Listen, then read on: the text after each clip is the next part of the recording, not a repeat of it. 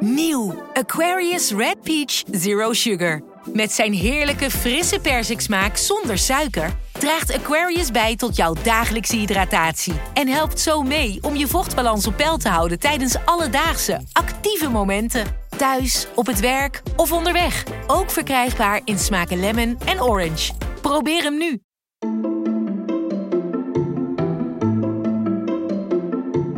Welkom. Wij zijn Onbehaarde Apen. Dit is een extra aflevering over de horrorzomer.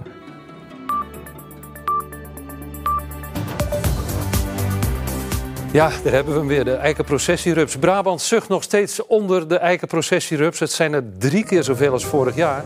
Mocht je die normale take nou al vervelend en misschien een beetje eng vinden, dan heb ik nieuws waarvan je kunt schrikken. Want in Duitsland, vlakbij de Nederlandse grens, zijn zes reuzenteken aangetroffen. Drie keer zo groot als de variant die we hier kennen.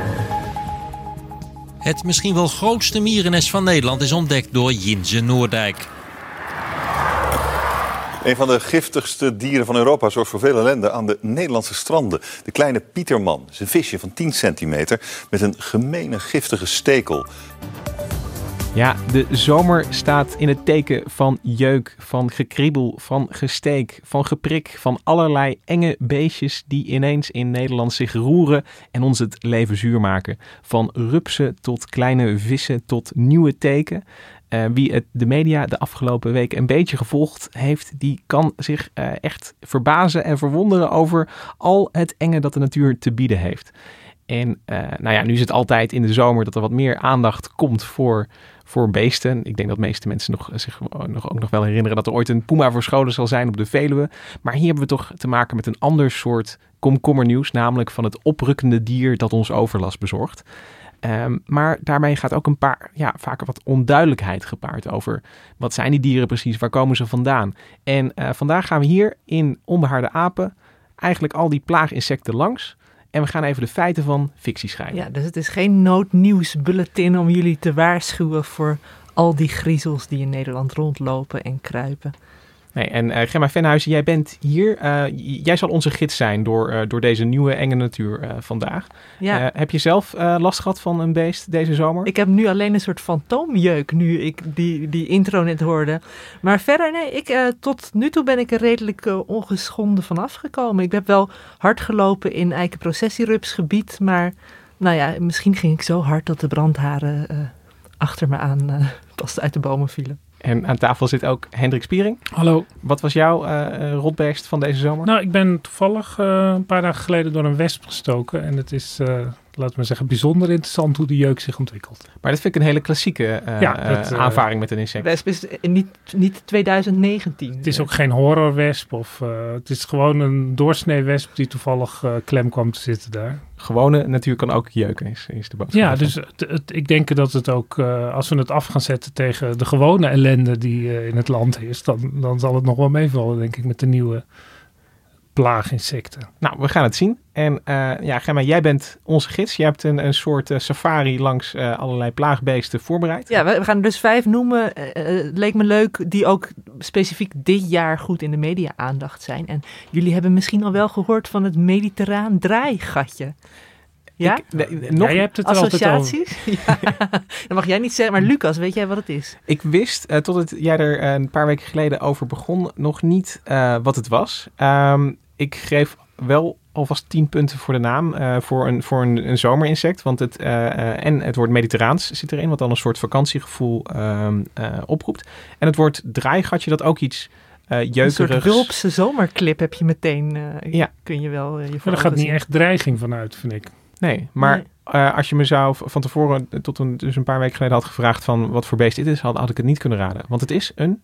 Mier. Een mier. En een mier die al in, sinds 2013 in Nederland voorkomt. Ja, we staan hier in een uh, Wageningse straat. En uh, hier is in 2013 het mediterraan draaigatje voor het eerst eigenlijk in Nederland aangetroffen.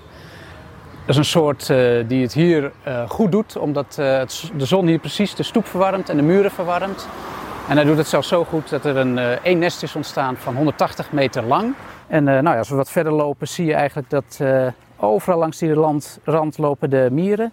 Die gaan de tuinen in op zoek naar uh, honingdauw van de bladluizen. Uh, ze komen ook binnen in de, in, de, in de groenbak en ze zitten zelfs onder de dakpannen met hun nesten. Het wordt wel algemeen als een probleem ervaren, ja. We hoorden hier Jinse Noordijk van de Stichting IJs. En hij was het die in 2013 in zijn eigen woonplaats in Wageningen dus de eerste kolonie van het mediterraan draaigatje aantrof. Echt een enorme kolonie. Ik bedoel, als je in het bos wel eens langs een, een rode bosmierennest bent gefietst. Ja, dat is een bescheiden hoopje met van die dennennaalden. Maar 180 meter stoep ondergraven. En die stoep was ook al deels aan het inzakken. Dus die kolonie zat er al een tijdje. Want dat heb je natuurlijk niet bedoel, je begint niet vanuit het niets met een kolonie. Het is ook wel intrigerend dat hij in Wageningen is ontdekt, waar natuurlijk relatief heel veel mierenkenners zitten. Dus de oudste kolonie zal waarschijnlijk wel ergens anders zitten, maar er is nooit iemand gezien. Ja, allicht. Ik bedoel, ook in Alkmaar is geloof ik al een kolonie en in Alphen aan de Rijn. Nou ja, ze zijn uh, op meerdere plekken in Nederland gesignaleerd. Want als je er geen verstand van hebt, denk je, oh, mieren. Want aan, het, uh, gewoon aan de, aan de mier zelf zie je niet per se, uh, uh, kun je niet direct zien dat het een, een, een bijzondere mier is. Dat, het, dat hij overlast geeft zoals hij in Wageningen doet. Nou, het zijn vrij kleine zwarte mieren. Zoals alle mieren eigenlijk. Ja, nou, hè, rode bosmieren die zijn iets rooier ja, iets groter. die heet ook rode bosmier. maar het leuke aan deze mieren is, zo komen ze ook aan hun naam, dat ze een heel flexibel achterlijf hebben. Dus tijdens het lopen kunnen ze een beetje heen en weer schudden met hun kont en een beetje op en neer. Dus die draaiende bewegingen die zorgen voor het naam draaigatje. Een beetje een wiebelpas. Ja. En is bekend waarom? Of dat zeggen ze niet. Dat, uh, tot nu toe heb ik, ik, heb nog gevraagd, want uh, ze hebben bij de uit, uh, boven de stoep zie je dan vaak een soort zandhoopjes, cirkelvormige zandhoopjes. Ik vroeg nog aan de mierenexpert die ik sprak, André van Loon van het Kenniscentrum voor Insecten IJs, hoe dat zat. Maar die cirkelvormige zandhoopjes hebben daar niks mee te maken, nee. En uh, die André van Loon, die, die kon jou ook iets vertellen over uh, ja, waar komt zo'n zo'n dier ineens vandaan? Want, want die, die kolonie wordt ineens gezien. Ineens hebben we er een, een mier bij. Ehm, maar die komt hier natuurlijk, nou ja, op een of andere manier uit het mediterrane gebied hier terecht. Nou, dat, dat deze hier gewoon gekomen is, dat is, dat is denk ik gewoon puur door de mens, doordat die zeg maar zijn meegekomen met, met planten, met, met potplanten en, en de, zeg maar de, de handel in met name ook mediterrane planten, olijfbomen en dergelijke. Dat, dat, ja, dat wil je niet weten wat er allemaal wordt ingevoerd, sowieso ook uit de tropen. En, dus er komt best wel veel, veel binnen op, de, op dit gebied. Uh, ook allerlei andere mieren, maar te vaak is dat, uh, zijn dat alleen maar losse beesten en uh, ja, die gaan vanzelf dood. Dus die, dat is dan geen kolonie, dus dat kan niet zoveel kwaad. Maar in, in sommige gevallen dan zit zo'n nest gewoon in zo'n pot, in zo'n olijfbomenpot. En ja, zo is het waarschijnlijk uh, gekomen. Oké, okay, dus we hebben de mieren in uh, tuinaarde eigenlijk rond, rondom de planten die hier deze kant op komen en die hier in tuincentra kan komen. maar goed, dat is, dat is een proces dat aan de gang is. Die mier is hier eigenlijk al, die heeft zich al in kolonies gevestigd, zeg jij en nu. Het, het haalt deze zomer het nieuws. Is het een plaag? Is het een plaaginsect? Nou, er zijn volgens mij tussen 2013 en 2018 in totaal tien kolonies waargenomen. Als je dat vergelijkt met de plaagmier, want we hebben ook een soort die echt oh, de plaagmier, plaagmier die sinds zo. de jaren zestig komt die in Nederland voor. Is die geloof staat ik je uit te jou op de hoek van de straat. in het hele tijdsbestek van 1960 tot zeg vorig jaar zijn er ongeveer evenveel plaagmierkolonies uh, gesignaleerd in Nederland als nu in die paar jaar van deze nieuwe mier, van dit mediterraan draaigatje. En dat laat wel zien iets van die invasieve kracht. Ik bedoel, je kunt zeggen tien kolonies, dat, dat valt toch nog wel mee. Alleen het probleem is dat die kolonies zo groot zijn. Zo'n superkolonie ontstaat niet voor niets. Want um, wat, wat, wat ze kenmerkt, het zijn eigenlijk drie soorten mediterrane draaigatjes die heel nauw met elkaar samenleven. Maar wat, wat, wat zijn drie soorten? Ja, ze noemen het ook wel het mediterraan draaigatjescomplex. Maar dat kun je als buitenstaander kun je dat allemaal niet... niet uh, ja, als je ze in huis haalt, dan ga je echt huilen. Nee, want het probleem is dat per kolonie zijn meerdere eileggende koninginnen. Normaal heb je dan in zo'n mierenhoop heb je dan één koningin. En nou, na één keer per jaar gaan ze allemaal voortplanten. En dan vliegen er weer een paar uit. En zo verspreiden ze zich. En dan gaat die nieuwe koningin op een nieuwe plek. Gaat ze dan weer de eigen kolonie vormen. Maar hier is het allemaal één grote knusse boel. Uh, ook wel wat incest uiteindelijk. Dus um, André van Loon zei, ja, wie weet dat in de toekomst, na tientallen jaren, dat het zo'n kolonie juist ook weer kan schaden. dat je minder... Want je hebt een, een, een beperkte uh, diversiteit hier, want er zijn maar een paar kolonies. En uh, er, er, komt geen, er komen geen mediterrane draaigatjes eindeloos bij vanuit, uh, vanuit buiten. Nee, precies. Tenzij wij olijfbomen blijven importeren. Maar het probleem is dus dat zo'n kolonie in korte tijd enorm kan uitbreiden. En ja, als jij dan een eenzame rode bosmierkoningin bent, en je wil je eigen kolonie in de buurt beginnen, is een beetje treurig. Want ze concurreren ook wel, nou niet die bosmieren, maar wel andere, andere soorten inheemse mieren, zoals de wegmier, om leefruimte. Want ze zitten vaak onder tegels. Ik noemde net die stoepen al, dat is toch net wat warmer.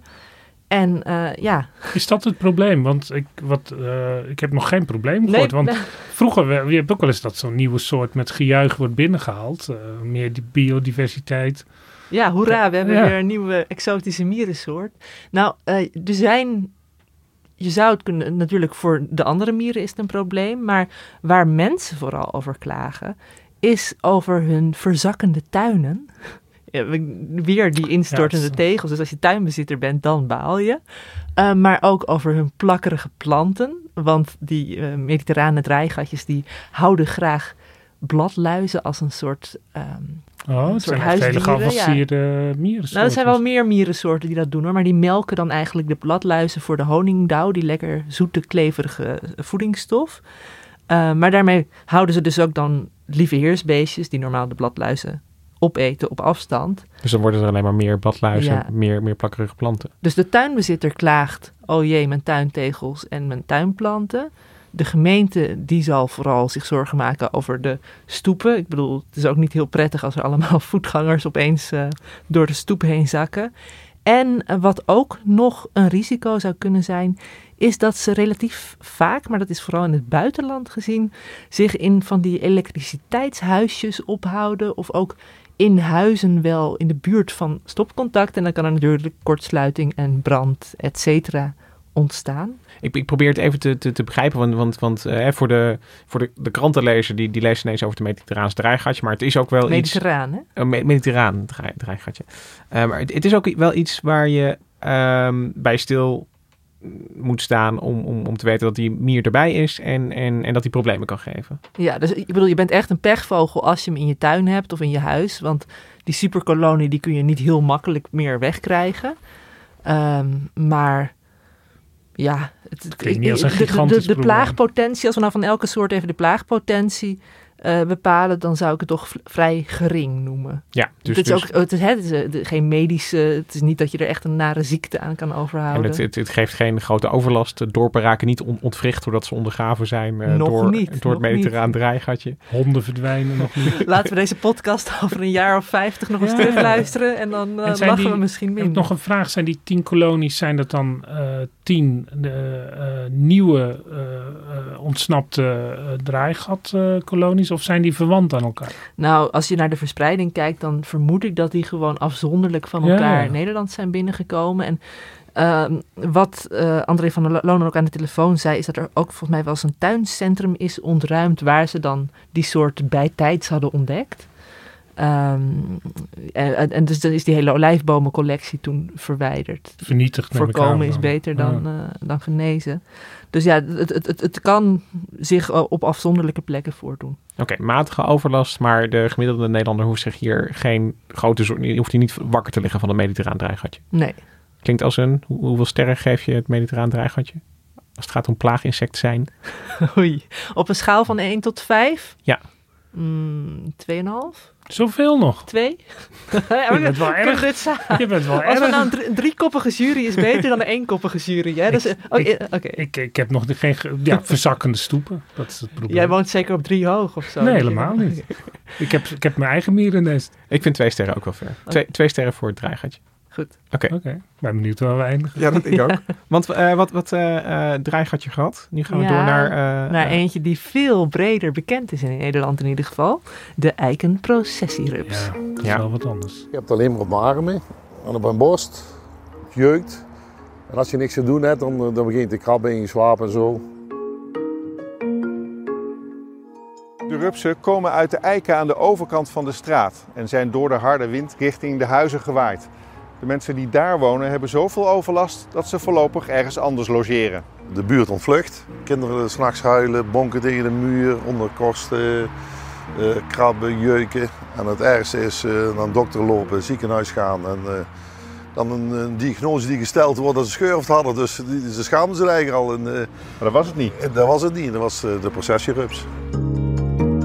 Ja, we hoorden hier een verslag van RTL. Dit was het jaar van de eikenprocessierups. Als je gewoon keek naar hoeveel mensen uh, jeuk hadden, er last van hadden. Uh, ik bedoel, volgens mij heeft elke lokale omroep vele reportages gemaakt over overlast in dorpen. als je pech had, dan, dan, dan zat je ongeveer in juni was het denk ik echt de hele dag te krabben, als ik het een beetje gevolgd heb. Ja, en dan moet je er ook wel weer gevoelig voor zijn, want niet iedereen in zo'n dorp had er dan even... oh, is er ook een verschillende gevoeligheid? Ik dacht ja. dat, dat het iedereen gelijkelijk trof. Nou, je hebt vooral dus sowieso qua, qua landelijke verspreiding was het vooral in Oost-Nederland. Ja, je moet, wel, je moet wel in contact komen met je haren. Ik was in Drenthe en um, nou, het was verder ook in Noord-Brabant en zo is er ook wel berucht om. Dat je al die lange uh, rijen eikenbomen langs de wegen ziet staan en allemaal met die rood-witte linten pas op eikenprocessierups. Maar het kan op verschillende manieren kunnen die kleine brandhaartjes, hè, want daar, daar praten we om. Zo'n eikenprocessierups die heeft per stuk hebben ze zoiets van 700.000 brandhaartjes van 0,1 mm groot.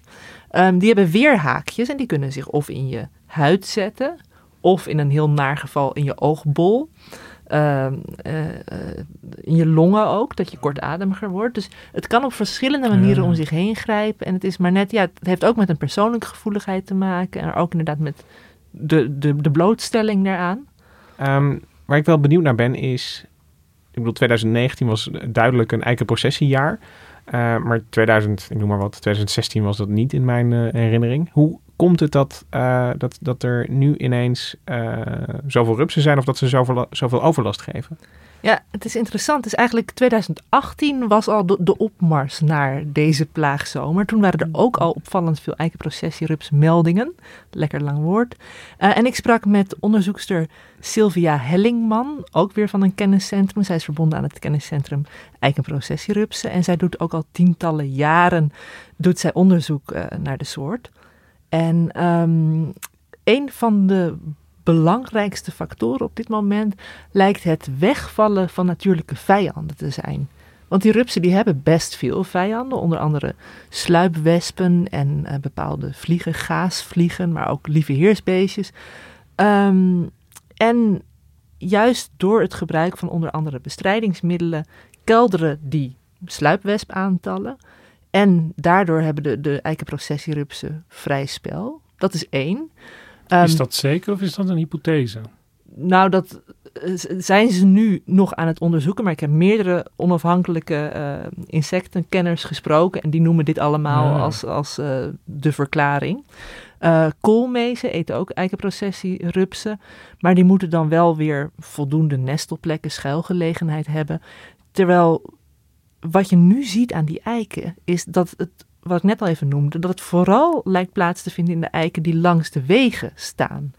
En uh, nou, wordt flink gemaaid, er is weinig diversiteit in bomen. Um, en in bossen bijvoorbeeld, zei Sylvia Hellingman ook, heb je veel minder overlast van die eikenprocessierups. Omdat daar toch ook de, de diversiteit aan natuurlijke vijanden ligt hoger. En je hebt minder die monocultuur van de eiken, waardoor, waardoor de plaag zich heel snel kan uitbreiden. En dat lijkt er nu aan de hand te zijn. Maar dan klinkt het toch als een wat structureler probleem. Namelijk uh, de, de, het wegvallen van, van die natuurlijke vijanden. Dat is niet ineens dat we dat in, in, in 2020 gerepareerd uh, hebben. Dus, dus moeten we ons een beetje opmaken voor uh, ja, een, een, een toekomst, een nabije toekomst in ieder geval, waar we vaker uh, overlast gaan krijgen van, uh, van deze rups. Nou, als je naar de geschiedenis kijkt, dan is het wel interessant dat ook al in de 19e eeuw, echt rond 1850, werd er melding gemaakt van eikenprocessierupsplagen. En ik las nog in oude kranten dat begin 20e eeuw, volgens mij was het 1924, dat in ieder geval in Duitsland hele badplaatsen werden ontruimd. Dus er zijn al vaker plagen geweest en die zijn ook weer uh, afgenomen. Maar ik herinner me ook dat het, uh, de, de eikenprocessierups rukte op uit het zuiden. Op een gegeven moment is hij de rivier overgegaan. Toen kwam hij op een gegeven moment ook in Utrecht. Ja, maar ik denk dat dat toch niet, media, dus, dat ja. is toch... Hè, jij noemt ook weer eh, de rukte op. Dat is weer een van die, die militaire metaforen van de plaaginsecten nemen ons land over. En dat is denk ik iets waar we ook weer de feiten van de fictie moeten scheiden. Want die soort, die is er... De afgelopen 30 jaar is die sowieso alweer met regelmaat in ons land waargenomen. Daarvoor was hier waarschijnlijk ook maar gewoon in wat minder grote aantallen. Want ehm, het, hoe groter zo'n soort wordt, het kan ook weer zijn dat er ehm, eh, eh, parasieten of dat, dat er, dat er ehm, ziektes eh, ontstaan onder de, de Hmm. rupsen. Tegelijkertijd droogte en hitte houden ze ook niet van. Dus Hitte ook niet. Nee, wat je ziet is als het, de nesttemperatuur boven de, volgens mij is het 32 graden komt, dan gaan ze soms eens de grond in om een koeler moment af te wachten. Daarom zag je vorig jaar ook dat er in september nog heel veel overlast was. Dat ze juist met die koelte weer omhoog kwamen. Dat is vrij uitzonderlijk, want normaal denk je nou, we zijn nu wel over die processiepiek heen. Ehm, maar ze kunnen ook als pop, en dat is al in 1968 in Roemenië onderzocht, kunnen ze jarenlang in de grond overwinteren. Oh, dus dan verpoppen ze in de grond. Ja, dat is die diapauze eigenlijk. Dus dan hebben ze een soort ruststadium in soort- hun popstadium. Een, een soort winterslaap voor insecten Ja. eigenlijk. En eh, het kan dus ook nog zijn dat ze dat een deel van de huidige eikenprocessierupsen die tactiek toepast. En dat we op die manier over een paar jaar opeens weer met een nieuwe plaag zitten. Ja, dus, Als dus- guerrilleros onder de grond gaan. Ja, dus de, de, de, ja, die, die plaagdynamiek, die, eh, eh, die, ja, die zit, er, zit er wel in. Maar het hangt dus ook van, van het weer af, van, eh, van allerlei andere omstandigheden. Of het, eh, ja, of het zo, eh, zo, zo- zo uitbarst, zo'n zo'n brandharen wind die, die we, die we dit, deze zomer hebben gehad. Ja, maar ja, het probleem is natuurlijk inderdaad wel van hoe meer rupsen er zijn, hoe makkelijker dat om zich heen kan grijpen. Maar ja, je noemde net ook die, die, die virussen, weet je, van als Ja. je met, met zoveel aantallen rupsen op een plekje woont. Ik bedoel, de- de- misschien, Ja. misschien is het, het voor de rupsengriep dan wel weer juist veel Ja, op makkelijker. den om- duur eh, zou me dat niks verbazen. Maar hè, net als je van tussen vorig jaar en dit jaar ziet, kan best dat er volgend jaar ook nog er weer. Ja. En natuurlijk wordt er wel onderzoek gedaan. Hoe kun je dat aanpassen? Ehm, niet wegbranden is het. eh, Nee, want ik zag een, een eh, dat kan ik nu zo wel zeggen, een hele optocht van eh, oplossingen. eh, Een processie, eh, ja. Met, eh, dat je het in, eh, met haarlak moest fixeren en dat, Je moet goed kijken. wat- stofzuigers. Wat, de, de- je, je kunt die oplossingen kun je allemaal eh, eh, verdelen in verschillende soorten oplossingen. Je Ja, hebt dus ja, de, de ja. acute jeukbestrijding. Ja, precies. Eh, je hebt wat doe je met eh, de rupsen? Wat doe je met eh, de nesten die ze hebben gebouwd? Eh, wat doe je eh, Met de vlinders of met de motten, Met de vlinders kun je er ook nog iets, iets mee doen. Dus, dus er is inderdaad een heel. Eh, eh, de, de, de, de, rups jeukt misschien, maar de mens is inv- inventief. eh. Ja, want misschien is er gewoon ook heel weinig aan gedaan. Dat iedereen dacht, ja god, die eikenprocessierups. Nou ja, dat is natuurlijk wel vaker. Als er eenmaal een echt grootschalig probleem zich voordoet, dan ontstaat de interesse, ook de interesse in oplossingen. En eh, ja, eh, of dat op den duur is met het produceren van lokstoffen waar de volwassen eikenprocessierups vli- of eh, eikenprocessievlinders op afkomen, waardoor ze op die, die lokdoosjes afkomen in plaats van op de vrouwtjes. Dat zou een optie kunnen zijn. Of ze toch wegvangen en dan bij hele hoge temperatuur verbranden, 600 graden. Dat Oh, de rupsen een- bedoel je? Ja, dus er, er zijn diverse. eh, En het moet zo hoog, omdat anders die, eh, die dingen, die, die haartjes alleen maar vrijkomen. Ja, wat, wat je in de jaren negentig nog wel eens zag, dan eh, eh, werden ze echt uit de boom gebrand. Dus met een, met een soort toorts werd er dan eh, opgeblazen. Maar dat, dat wordt nu afgeraden omdat door de, de werveling van de lucht Ja. krijg je dan toch dat, dat, dat je die haartjes eigenlijk alleen maar extra in, eh, in En de lucht Ja, en dan die zijn misschien bestand tegen die hitte ook. nou ja, en los daarvan, ik bedoel, hoe slim is het om in een droge, hete zomer eh, met een, een toorts in de buurt van een boom te komen? Nee. Maar, maar mag ik nog één leuk ding ook vertellen over de eikenprocessierups? Want ik had altijd een zwak voor hem.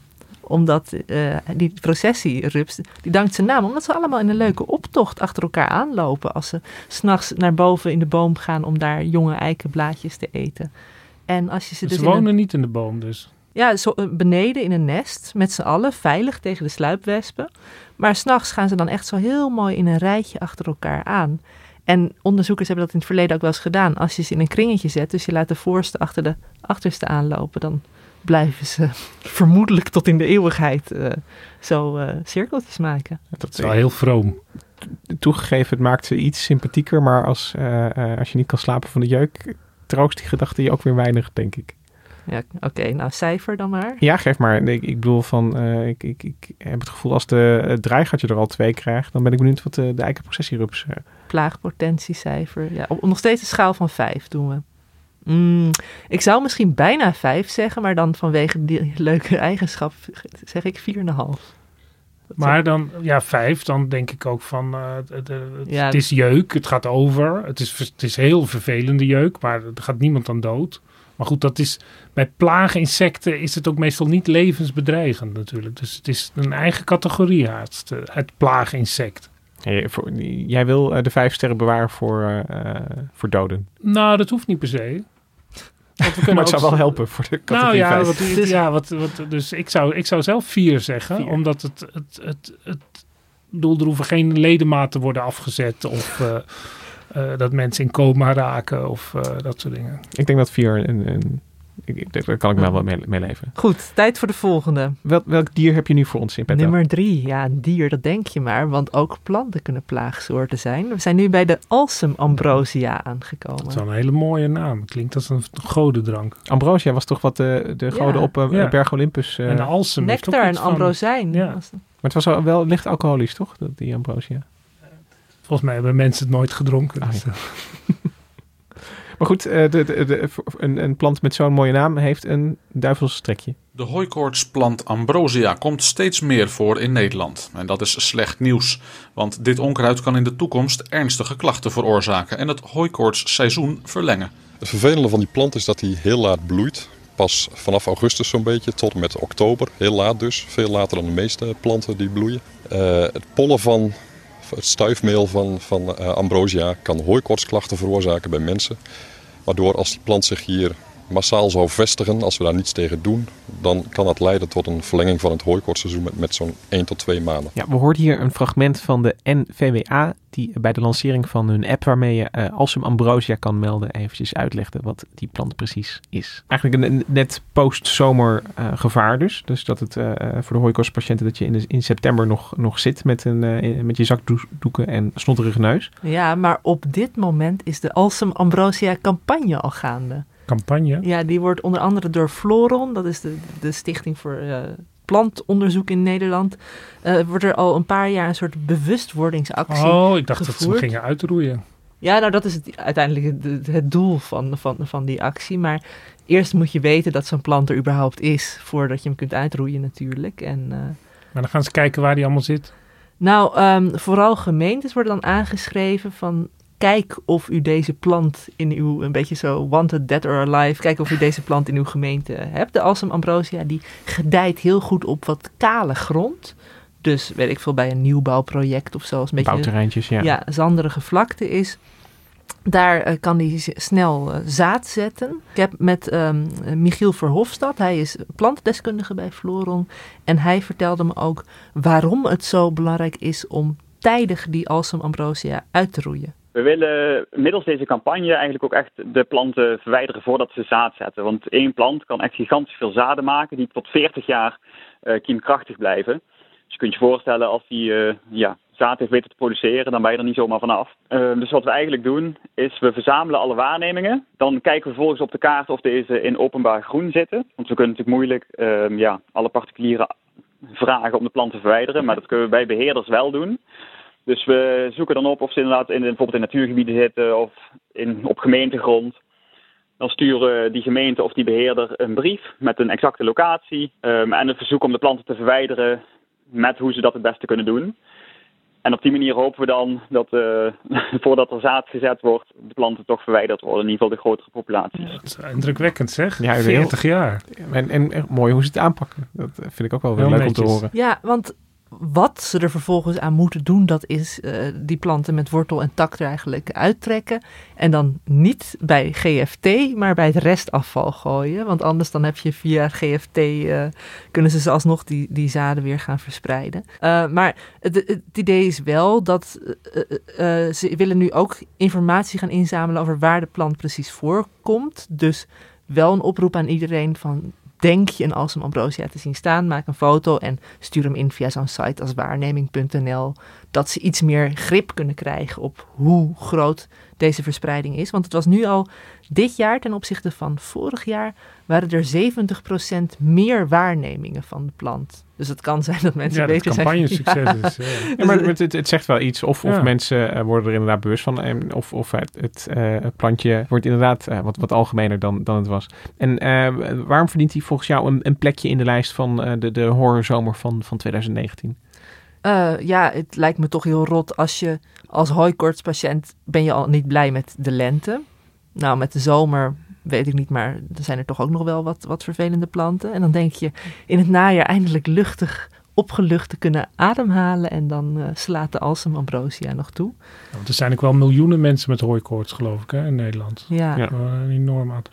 Maar hoe groot is dit probleem nu? Want het, het klinkt alsof ze vooral bang zijn dat, dat dadelijk alle wegbermen vol staan met uh, deze plant. Maar ja, laten we zeggen, hier en daar een plant, dat, dat, dat, dat leidt niet tot enorme hooikoorts. Nou, sterker nog, al rond 1875 was de eerste waarneming in Nederland. Dus dan oh. kun je. Maar wat het probleem nu vooral is, is dat er uh, heel veel zaden schijnen ook um, mee te komen met vogelzaad, met vetbollen oh. en zo. Dus ik denk dat er ook pas recent inzicht is gekomen in echt die, die, die hooikortsopwekkende capaciteiten. En dat die nu een beetje door die verspreiding. Door die extra verspreiding via dat zaad. Ja, dat, dat die aan het uitbreiden is. En, en uh, om te voorkomen, want je ziet het met woekerplanten waar we te lang niks hebben gedaan. Uh, exoten als de, de, de reuze springbalsemien, of reuzenbalsemien en uh, ik ben ooit nog Amerikaanse ja, ik ben ook nog eens op een reportage geweest naar met eh, Japanse duizendknoopbestrijders. Uh, dat, ja. sommige, sommige sloten staan er dan, of, of, of, weilandjes staan er dan helemaal vol mee. Ja, we hebben in die, e- e- in die exoten-podcast die we ooit hebben gedaan, hebben we het ook nog over al die Japanse uh, plantensoorten. Maar ik heb ook, voel ook wel een soort bewondering. We hebben nu dat, dat draaigatje gehad, wat uh, zeg maar absurde grote kolonies kan maken. En dus een, zeg maar een, een systeem heeft waardoor die bijna onoverwinnelijk lijkt te zijn. Met zoveel koninginnen. Er is er altijd wel eentje die weer ontsnapt natuurlijk. En deze met uh, ontzettend veel zaad en uh, heel veel, uh, dat dat dan 40 jaar nog kiemkrachtig blijft. Het is echt, ja, we hebben de wereld zo onder controle dat, dat, dat, dat de vijanden die we hebben, die, die moeten heel wat meenemen. Die komen van goede huizen. Zoals ook deze Ambrosia Alsem. Nee, Alsem Ambrosia moet ik zeggen. Um, plaagpotentie, Gemma. Hoe zat jij het in? Mm, even kijken hoor. Wat hadden we als eerste? Mediterraan draaigatje. Die, die had een 2. Mm, deze is wel iets vervelender, zou ik zeggen. Ja, want we hebben hooikoorts tegenover verzakkende stoepen. Ja, dan zou ik hooikoorts wel laten winnen. Misschien moeten we het mediterraan draaigatje toch op één zetten en dan kan de Alsem Ambrosia op Dus je bedoelt op, op ja, eh, qua la, eh. Oké. nou, bij deze is het mediterraan draaigatje naar beneden gekelderd. Ja. Want ik vind, ik vind het wel, als, weet je, het, het is zo'n plant die, uh, die, die gaat een stuifmeel in de lucht brengen. Daar, daar kunnen veel mensen last van krijgen. maar dan doen we een schaal van 0 tot 5. Goed, dan is 0, dat is helemaal geen plaagsoort. en 1 is een beetje. van 0 tot 5, Ambrosia 2. Oké. Okay. Oké, okay, dan gaan we nu verder naar uh, iets, een, een beest wat in ieder geval veel enger klinkt. En wat uh, deze zomer echt volop in het nieuws was. Hoe gevaarlijk is die monsterteken? Er wordt heel druk over gedaan. Die monsterteek, of de, zoals u het net al zei, hyaloma-teek... is een andere teek die wij eh, kennen in Europa en in Nederland. Hij komt veel voor in andere delen van de wereld. Azië, Afrika, eh, Turkije, aan de randen van Europa... de Balkan, voormalig Joegoslavië. Hoe groot is die? Hij is inderdaad groter dan de schapenteek... die we hier in Europa en Nederland kennen. Hij is drie, vier keer zo groot. Hij heeft indrukwekkend grote monddelen. Hij kan inderdaad een ernstige virusziekte overdragen. En hij, in tegenstelling tot de teek hier in Nederland die passief op een graspriet zit te wachten dat er een gastheer langskomt, heeft hij zijn gastheer in het oog, achtervolgt hij ze om te bijten en een bloedmaaltijd te. Het klinkt echt verschrikkelijk gewoon. Als ik het zo beschrijf, klinkt het ook wel als een monsterteken. Ja, we hoorden hier uh, Joppe Hoofdjes, uh, internist infectiologie bij het AMC, die, uh, bij het Amsterdam UMC moet ik zeggen, bij Radio 1, vertellen over de monsterteek. En je hoort de mensen al giezelen in de studio. hier moeten we heel erg bang voor zijn, toch Gemma?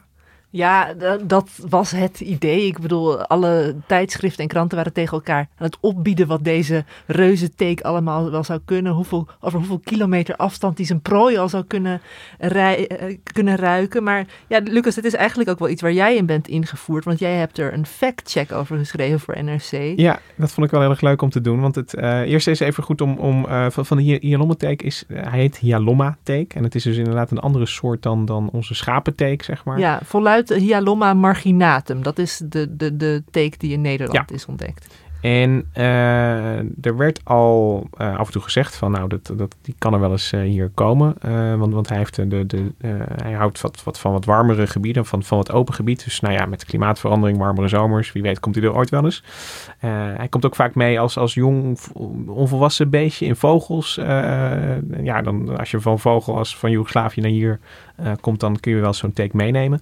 Maar deze zomer hadden we voor het eerst dat iemand van zijn paard een Hyalomma-teek plukte. En dan heb je een volwassen dier die zich had volgezogen. En dan wordt hij twee centimeter, las ik. Dat is dan toch inderdaad niet gering. Als je... Nee, twee centimeter is een behoorlijke, een behoorlijke teek. Maar wat jij heel goed beschreef, Gemma, is dat er inderdaad over zijn, zijn ja, superkrachten bijna werd, werden hele wilde vragen gedaan. En ik dacht, dat is wel een goed moment voor een, voor een fact-check. Um, en waar ik uiteindelijk uh, wilde checken is, er werd vaak gezegd, uh, uh, de beesten kunnen een slachtoffer 10 minuten of langer achtervolgen en daarbij maximaal 100 meter afleggen. En ja, dat klonk toch een beetje alsof je ineens, weet je, je gaat lekker wandelen in het bos en ineens kijk je over je schouder en zie je daar een teek zo achter je aan rennen en dan probeer je weg te komen, maar je gaat achter je aan. Het, het klonk als een, als een, een horror scenario. En toen heb jij volgens mij, ik ging nog even googlen, zou er een horrorfilm zijn over teken? En die was er. Ja, een horror tekenfilm. En dan dus geen uh, Mickey Mouse met een bijl, maar echt... Uh, ja, dus, dus het, het appelleerde aan allerlei angsten. Um, maar het was wel leuk om terug te gaan naar uh, de bron. En uh, nou, je komt er allereerst achter dat er heel weinig onderzoek is gedaan naar wel naar uh, welke ziektes dragen zich mee. Weet je, alle, alle, allerlei zinnige vragen om je te stellen. Maar niet zozeer naar wat, wat kan hij nu, hoe snel is hij. En ik, ik kwam terecht in, in voornamelijk Russische literatuur. En ja, van, van, van, van veel biologen die eigenlijk dat beest in, in zijn natuurlijke habitat proberen te beschrijven. En nou ja, de karakterschets die eruit kwam is dat het inderdaad een een teek is die uh, ja, op zich wel ergens wacht in een, in een hol of zo, tot er een, een beest voorbij komt. En als je zo'n kleine teek bent en je zit aan de bodem, dan uh, en, en, een beest dat voorbij komt, dat is een, ja, een beetje als een zonsverduistering. Want je zit in de zon ergens te wachten, te, je, de zon schijnt je holletje binnen en ineens, ineens verduistert de wereld. En dan denk je van, haha, daar moet iets zijn en dan ga je erachteraan. Dus het gaat heel erg, dat onderzoek ging heel erg naar de waarneming van dat beest. Hoe slim die eigenlijk is. Ja, en, en uh, dat hij best goede ogen heeft. Want als uh, gewoon een schapenteek die uh, ergens in, in, de, in de bosjes zit te wachten, heb je helemaal niet zulke. ja, weet je, je, je wacht tot er, tot er iets langs loopt en dan laat je je vallen en dan, dan land je op de vacht. Ja, dat vind ik wel. In de wetenschappelijke li literatuur bij teken wordt ook vaak uh, wordt er onderscheid gemaakt tussen de questing ticks, tussen de, ticks die, de, tussen de teken die op een uh, kweeste gaan, en de ambushing ticks, die dus in een hinderlaag gaan liggen. En dan zei je, die Hyalomma heeft toch wel dat, dat kweeste element, die, die zoektocht in zich. Zeker. En onze oude vertrouwde schapenteek, dat is echt zo'n uh, duidelijke hinderlaag teek die gewoon in het gras zit tot je toevallig langs loopt. Het is een beetje een ridder en een struikrover, zeg maar. Ja, het, het is, echt een sprookje. Het is echt een middeleeuws, uh, middeleeuws fantasieboek hier over, uh, over schrijven. Maar die, die, die, wat mij opvalt is dat die teken mensen die veel buiten komen, die, hebben, ja, die zijn niet onder de indruk van, van teken, want die halen ze er gewoon weer af. Nou, Alleen het is vanwege er zijn ook die... boswachters met uh, nare gevallen van de ziekte ja, nee, van Lyme. Dat, dat wou ik ook net gaan zeggen. Maar sinds die ontdekking van die ziekte van Lyme, en uh, volgens mij is dat een jaar of twintig geleden, is daar iets grimmigs ontstaan. Omdat dat is een uh, vrij vervelende ziekte die jarenlang kan ja. doormodderen. Hoeft niet, overigens. Ja. Als je er tijdig bij bent. Maar... Nou ja, ik zat dus in die literatuur te gastduiden. En ik kwam uh, wel op dat die achtervolgingsafstand inderdaad uh, uh, schreef Romanenko en Leonovic. Dat waren dan biologen die beschreven van ja, ik kan inderdaad 60 tot 80 meter achter een prooi aan zitten. Dus die 100 meter, dat klopt ongeveer wel. En, maar het is dus wel de extreme... Ja, ja, ja. Dan heb je wel een hele lenige teek achter je aan natuurlijk. Nou ja, kijk, als je kijkt naar de natuurlijke prooien, dat zijn dus ook grazende dieren. En uh, ja, ik, ik, bedoel, die, die, die, Die lopen ook niet zo hard natuurlijk. Nee, als ze aan het gazen zijn, dan, dan als je er een beetje achteraan blijft rennen, dan haal je hem op een gegeven moment eh, eh, misschien wel maar bij. ook wel best gevaarlijk. Dan kan je ook vertrapt worden als kleine teken. Ja, tuurlijk. Het is, geen- het is geen makkelijk leven Nee. als uh, take. Ik bedoel, dat, ik vind het blij dat je het even opneemt voor... eh, Een dappere take. Maar eh, als het ging om de snelheid, eh, en, en dat was nog wel mo- moeilijk, maar op een gegeven moment zat ik, kwam ik in het, eh, eh, een soort standaard tekstboek Biology of Ticks terecht. En eh, toen kwam ik achter dat het, een volwassen hyalommetek een meter per minuut eh, kan rennen. En dat is best wel snel. Eh, Voor een take. Voor een take. Als, als, als mens, als wandelend mens blijf je hem dus wel makkelijk voor. Maar stel nu dat je... Ja, stel- net je fetus vastmaakt. ja, of je zit ergens eh, je boterham op te eten op een boomstam. Nou, dan, dan, dan, dan, dan krijgt zo'n tikje echt wel eh, eh, te pakken. En ik, ik kreeg nog, uiteindelijk kreeg ik nog, op basis van die factcheck, kreeg ik nog van RIVM-onderzoeker Hein Sprong filmpjes doorgestuurd van, eh, dan moet ik goed zeggen, Zati uh, van Tasener van de Kafkas Universiteit in Turkije. En die had allemaal filmpjes gemaakt van hyalommetekenen. En ik heb, het, het is, eh, ik, heb geen hele goede meetsoftware op, op video's. Maar op één filmpje zag, zag je zo'n take langs een schoen heen rennen. Dus ik ben even uitgegaan van schoenmaat 43. En toen zag ik hem, eh, en, en dat is dan zo'n zo'n 28 centimeter. Toen zag ik hem in, in zes seconden wel langs die schoen rennen. En als ik dat omzet, kom ik op 3 meter per minuut. Dus dat is iets sneller dan eh, waar ik voor was uitgegaan in die, in die fact-check. Maar goed, dan houdt hij dat drie meter vol natuurlijk. Dat ja, is de vraag. dat is heel goed. En ik was blij dat het in de goede orde van, van grootte was. Maar ik moest wel zeggen, bij het zien van die filmpjes zie je dus wel een take zo eh, heen en weer schuiven over, het, eh, over, over de grond, over de bodem, langs, langs steentjes. En dan ziet het er wel, eh, ja, het, ziet er wel heel anders uit dan onze teken. Die, eh, Kunnen we die eh, filmpjes nog delen met de luisteraars? ja, ik denk als we dat met, met een goede bron erbij kunnen we kan ik er eentje online zetten. Maar goed, ik, wat, ik, wat ik wel intrigerend vond van, van weet je, je hebt dus een nieuwe take. ehm, en ja, daarvan worden dus bepaalde eigenschappen misschien een beetje overdreven of aangezet. En dan vind ik het heel erg leuk om te kijken van, nou ja, wat klopt er nou van? Eh, maar ik ging ook terug naar ehm, Arnold van Vliet, die de PR voor de Hierlommen een beetje heeft bedreven deze zomer. Die, die met tegen de Hierlommen. Ja, tegen de Hierlommen. En ehm, ja, die, die belde ik daar nou over en die zei van ja, weet je, van, van eh, kijk, de, de, de bronnen die jij nu op- opzoekt, eh, Lucas, die, ja, die heb ik ook, weet je. Dus, dus dat zijn de bronnen die ik heb. Maar hij zei van het, het gaat ook daar niet echt om, want het is wel een teken die vervelende ziekte kan overdragen. En ja, het is wel goed dat veel mensen ervan van weten dat er een nieuwe teken is. Want dan kunnen ze hem ook herkennen, zoals gebeurde in Drenthe. Ja, maar dit is een, eh, een, een voorbeeld van zo'n ziekte. Dat is het Krim-Congo-virus. Krim-Congo-koorts kan daardoor ontstaan. Dat is echt een, een hele nare, levensbedreigende koorts met... eh, Ja, En, en doet hij ook aan Lyme? Of, eh dat zal Dat wel, weet hè? ik niet. De, de, de- de- weet ik niet precies. Ik denk dat die Krim Congo wordt heel vaak genoemd als, Ja. als potentiële Ja, eh, en of- ziekte die, die wordt overgedragen. Maar dan, ja, dus, dus ik zag ook wel het ineens het door dat gesprek het nut van eh, ja, een beetje media-aandacht of hype voor zo'n nieuw beest. Want dat zorgt er wel voor dat mensen er alert op zijn. Net, net als op het mediterraan Maar hoe ga je daar nou alert op zijn? Ik bedoel, je kan moeilijk de hele tijd bij het wandelen achterom kijken of hij er niet aankomt. Ja, in, in, in, in Drenthe was het dus een, een paardrijdster die, eh, ja, die de paard dat nalopen was en, en ineens een teken eraf plukte en dacht, hé, hey, weet je wel, van, misschien is dat er wel eentje. En dan is dat voor de kennis over die verspreiding wel van belang. Dat bedoel je Ja, eigenlijk. ik denk als we niet die media-aandacht hadden gehad in juni voor deze take, van hij komt eraan. ja, vanuit Duitsland. Ja. Ja. denk ik niet dat we in juli eh, eh, deze take gevonden zouden hebben. Maar voor de volksgezondheid maakt het nog niet zoveel uit. Want Eh, alleen de doktoren, de nee. huisartsen moeten weten Ja. dat er nu nog weer nog vreemdere ziektes Nou eh, ja, en dat vind ik hier wel het interessante. Dat als je het over plaagpotentie hebt, is denk ik heel hoog. Eh, hè, al- als hij hier eenmaal is en hij draagt die nare ziektes bij zich, dan is het een hele nare plaag. En eh, ook levensbedreigend. Maar voorlopig, ja, we hebben er één in Nederland. Dus van een plaag kun je nog niet echt spreken. En het RIVM heeft hem dus inmiddels onderzocht. Dus voor de, de medische en, en insectenkenners is het wel degelijk, interessant. Hij had geen virussen bij zich, was de uitkomst. Ehm, maar was ja, een verkenner. Ja, dit was de vooruitgeschoven, de vooruitgeschoven teken.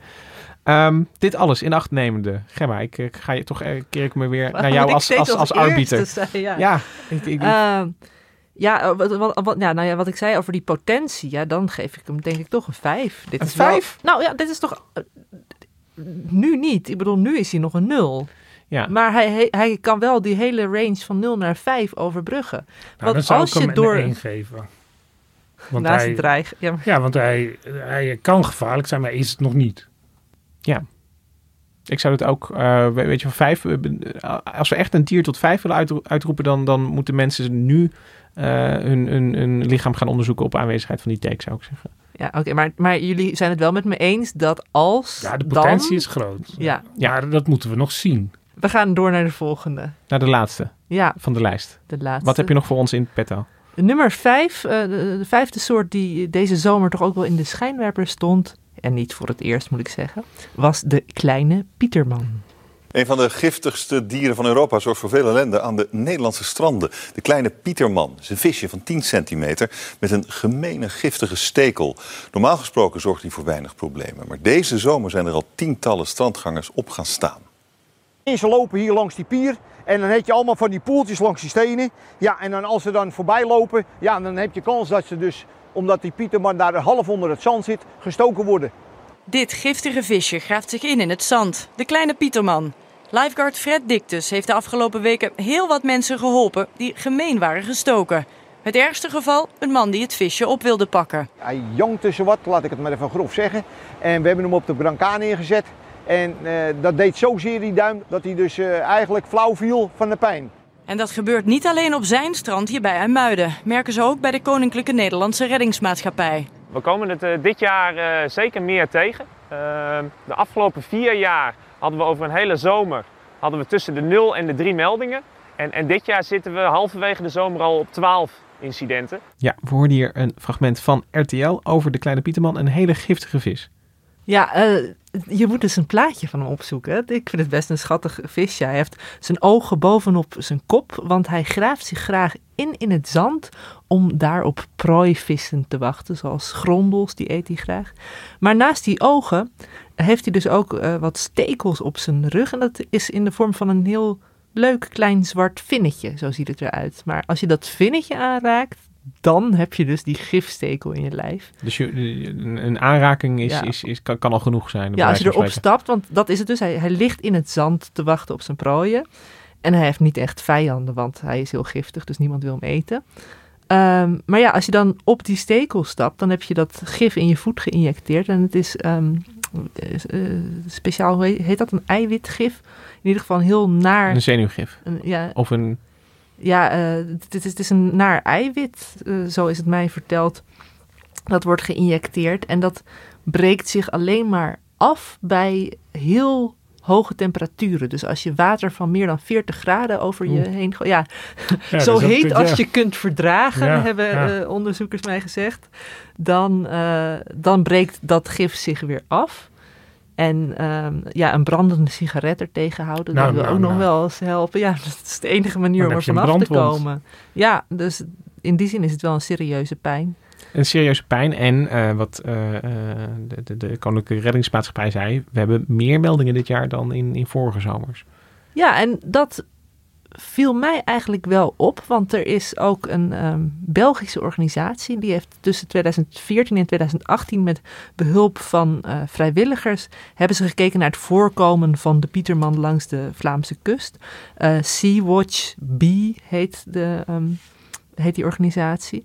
En daarin leek weliswaar uh, sprake te zijn van een kleine toename, maar die was niet significant. En ik sprak ook met uh, iemand van de Wageningen Universiteit, Ingeborg de Boys.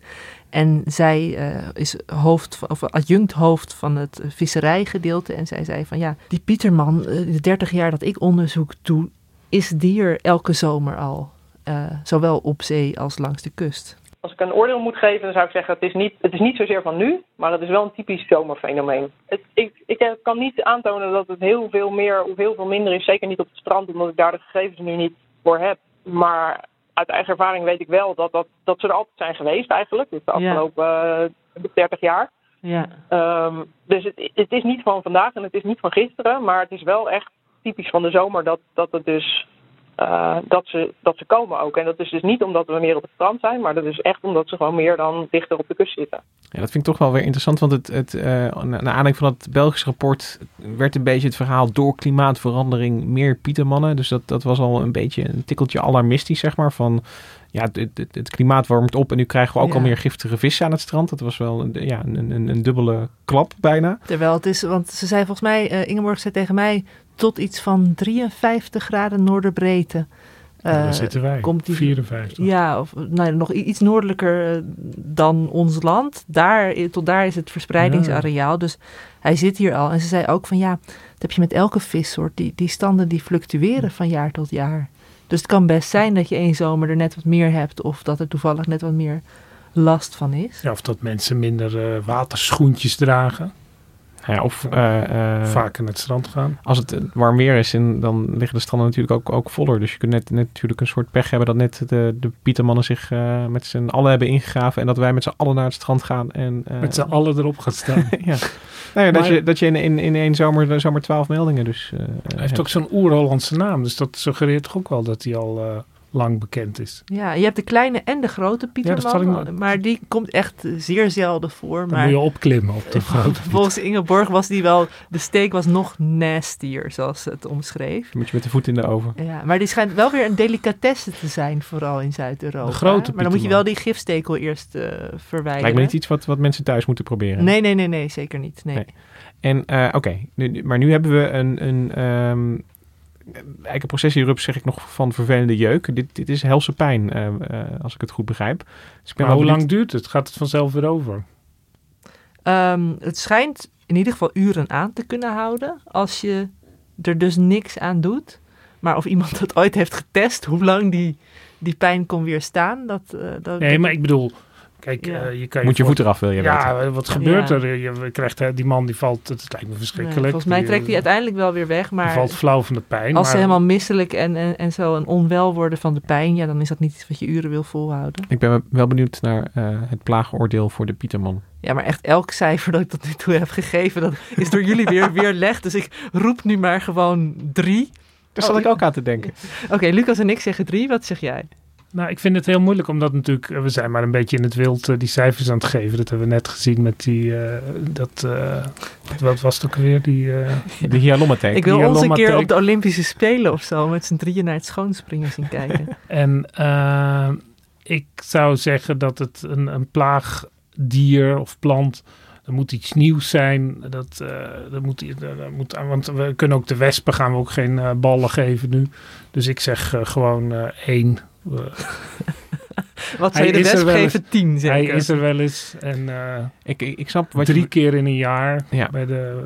Maar ik, tien keer. Ik, ik snap wat je zegt. En toch denk ik, bij een horrorzomer hoort een eng beest op het strand. Uh, in, in je hoofd is, kan die Pieterman is voor mij enger dan... Uh, ja. Smeer je in en vergeet je waterschoentjes niet. Ja, want precies. de Pieterman loert. Maar, onder de bodem, hè? Je ja, ziet, je, je onder water. Ja, je moet gewoon heel goed uh, om je heen En hoe diep kijken. zit hij eigenlijk? Nou ja, dus net onder het... Ik maar ik bedoel, zit hij ook helemaal aan de kust, onder een dun laagje water? Dus ja, zeg ook maar, daar peuters al. van twee tot, kunnen er ook in Ja, uh, Ingeborg de Boys die zei dat ze op een gegeven moment zag ze een kleutertje op haar afkomen met een emmertje. Kijk eens wat ik in mijn emmertje heb gevangen. En daar zat een kleine Pieterman in. En toen zei ze toch nou gewoon niet maar weer snel de zee in. Oh, dat dan weer dat, wel. Uh, ik weet echt niet wat ze ermee hebben gedaan. Maar in ieder geval heeft ze wel geadviseerd aan de kleuter om die niet aan te raken. Maar um, ja, het lastige vind ik ook aan die hele verkiezingen en punten geven en zo. Wij hebben makkelijk praten. Want wij hebben geen van alle. Uh, hebben wij een, tot nu toe een nare aanvaring gehad met een van deze soorten. Maar ik ben wel eens door de wesp in ja, gestoken. Ik ben vorige week ook door een wesp in mijn buik gestoken. Dus maar daar gaan we toch ook niet over nee, klagen, Ik heb de hele uitzending ingehouden om mijn wespensteek ook met jullie te delen. Maar, maar goed. Maar goed, wespen kunnen ook naar zijn. Ook vooral voor mensen die er allergisch, allergisch voor zijn. Ja. Dat is zeker waar. Maar dat, ja. dus dat vind ik het lastige. Dat wij hier als een soort jury gaan zitten van hoe erg is het of maar ik vind, ik vind wel dat het zich allemaal... Uh, Lucas maakt er een beetje een grapje van. Maar het is, het is niet dat er doden vallen. Het is niet een grote bedreiging voor de volksgezondheid. Ik vind zeg maar die, uh, de Q-koorts met die geiten wat we hebben gehad. Uh, die ziekte van Lyme dat was toen in de jaren negentig echt een eh, enorme ontdekking. Mensen die die ziekte hadden, die, ineens viel alles op hun plaats en konden ze ook uh, beter geholpen worden. En dat zijn uh, ontwikkelingen die, die, die van groot belang zijn voor, laten we zeggen, de gezondheid in brede zin. Maar iemand die ja, een verzakkende stoep, wat ook wel eens gebeurt als de gewone wegmier zich een beetje aan het uitsloven is denk ik. Ja, ik, ik, ik denk dat als je het hebt over de, de, de hype-dieren van een zomer. Want het, dat, ja, het, het, het, het daar weer toch mee te maken. raar eruit zien. Maar, maar het is wel. gatje draaien. Het is wel veilig. In, in, in die zin van, van je kunt je wel. Uh, uh, weet je, je, je kunt er het is, het is, ook iets dat je aan elkaar kan vertellen. Weet je, die, die, die, functie hebben ze ook in, in, in, in de media. Weet je, van, heb je het gehoord? Er zit een enge vis uh, in het water. Of er zit een enge teek nu in, in de bos. Of die en komt eraan. Het zou jammer zijn als mensen daardoor echt minder de natuur ingaan. Dat zou jammer zijn. Ja, want je hebt in Japan heb je toch ook die kogelvis. Dan ga je aan dood als je erop stapt. En toch eten mensen. Ja, oké. Okay, maar dat is dan weer een... Uh... Ja, nou, op Sumatra heb je tijgers. Dus ik bedoel, overal, zitten, maar overal zitten gevaarlijke dieren. Maar, en wij hebben... Wat zijn nou, de wolf hebben we nu. Ja, maar, maar, de, de, de, maar, dat vind ik een ander genre. Dat is, dat is namelijk het, het uh, als, als je dat in een soort verhaalcategorie uh, moet plaatsen, is dat het, lastige dier als, als eenling. Net, we hadden ook een, een snoek in Drenthe uh, een, een, paar weken geleden die badgasten had ja, ge, gebeten. Snoek, ja. En weet, weet, je, dat is het genre lastig beest zorgt in zijn eentje voor. En die is ook wat groter. Beest houdt zich niet aan regels. Ja, en, en terwijl hier met, met deze plaagdieren en plaagplanten hebben we, is, is, is meer het weet je, uh, het, het, het, het, gevoel van er, er komt iets aan. Ja, ja het is heel erg gekoppeld aan die, aan die invasieve exoten, waar we het dus wel vaker over hebben gehad. Hij is en de rivieren over. We hebben natuurlijk ook nog soorten die we niet hebben genoemd. Tijgermug, uh, andere jaren werd hij toch vaak genoemd. Die rukt ook enorm op. Ja, maar dit jaar is hij toch weer net wat minder in het nieuws. Ik heb hem niet in het nieuws gezien. Uh, de Buxus motrups was natuurlijk vorig oh, voor, ja. voorjaar en ook wel weer dit voorjaar. Maar goed, de meeste Buxus struikjes waren al verdwenen, had ik het idee. Uh, dus er zijn meer soorten en het is ook lastig om een hele precieze grens af te Ja, maar dan vind ik de Buxus, dat vind ik ook een beetje met dat draaigatje. Een goede plaag moet wel bijten, zeg maar. Het moet, moet, moet, moet pijn doen. Het moet ergens pijn doen, maar ik denk dat als je Um, stel je uh, besluit gewoon de volgende zomer in 2020, ik ga gewoon niet lezen over die nieuwe wesp of die nieuwe steekvlieg of over die nieuwe mier. Dat, eigenlijk mis je dan niks. Nee, want... Als je gewoon je tekentang meeneemt, dan, ja. dan ja. weet je En wel. dat denk ik dus wel dat die eikenprocessietips een beetje, als jij door Drenthe oh ja. fietst en je hebt opeens allemaal jeukende bultjes, ja. dan denk je wel, wat is er met me aan de hand? Dus dat is, in die zin vind ik dat toch nog de plagerigste plaagsoort. Uh, ja. Dat vind ik ook. Ben ik mee eens. We hebben toch, we hadden uh, hem toch vier gegeven, ja. Ja. Dus dan, uh, nou, het punten geven was onwetenschappelijk en arbitrair, maar... Uh, valt, komt toch op, zoals een plaagdier bepaald, op zijn pootjes terecht. Alles valt op zijn plek. Um, ik denk dat we hiermee aan het einde zijn gekomen van deze recensie van de horrorzomer van 2019. Ja, we hebben de brandnetel nog niet eens behandeld. we hebben de brandnetel niet Volgend jaar. Uh, mensen, blijf uh, insmeren en trek uw waterschoentjes aan. En uh, wij zijn er in september weer met nieuwe afleveringen van Onbehaarde Apen. Vergeet je in de tussentijd niet te abonneren op de podcast en recensie achter te laten. Dat vinden we altijd heel erg leuk. je kunt je ook op Twitter twitteren we de hele zomer door op NRC Wetenschap. En schrijf je in voor onze nieuwsbrieven. Micha Melita, heel erg bedankt voor de productie van deze podcast. En tot de volgende keer. thank you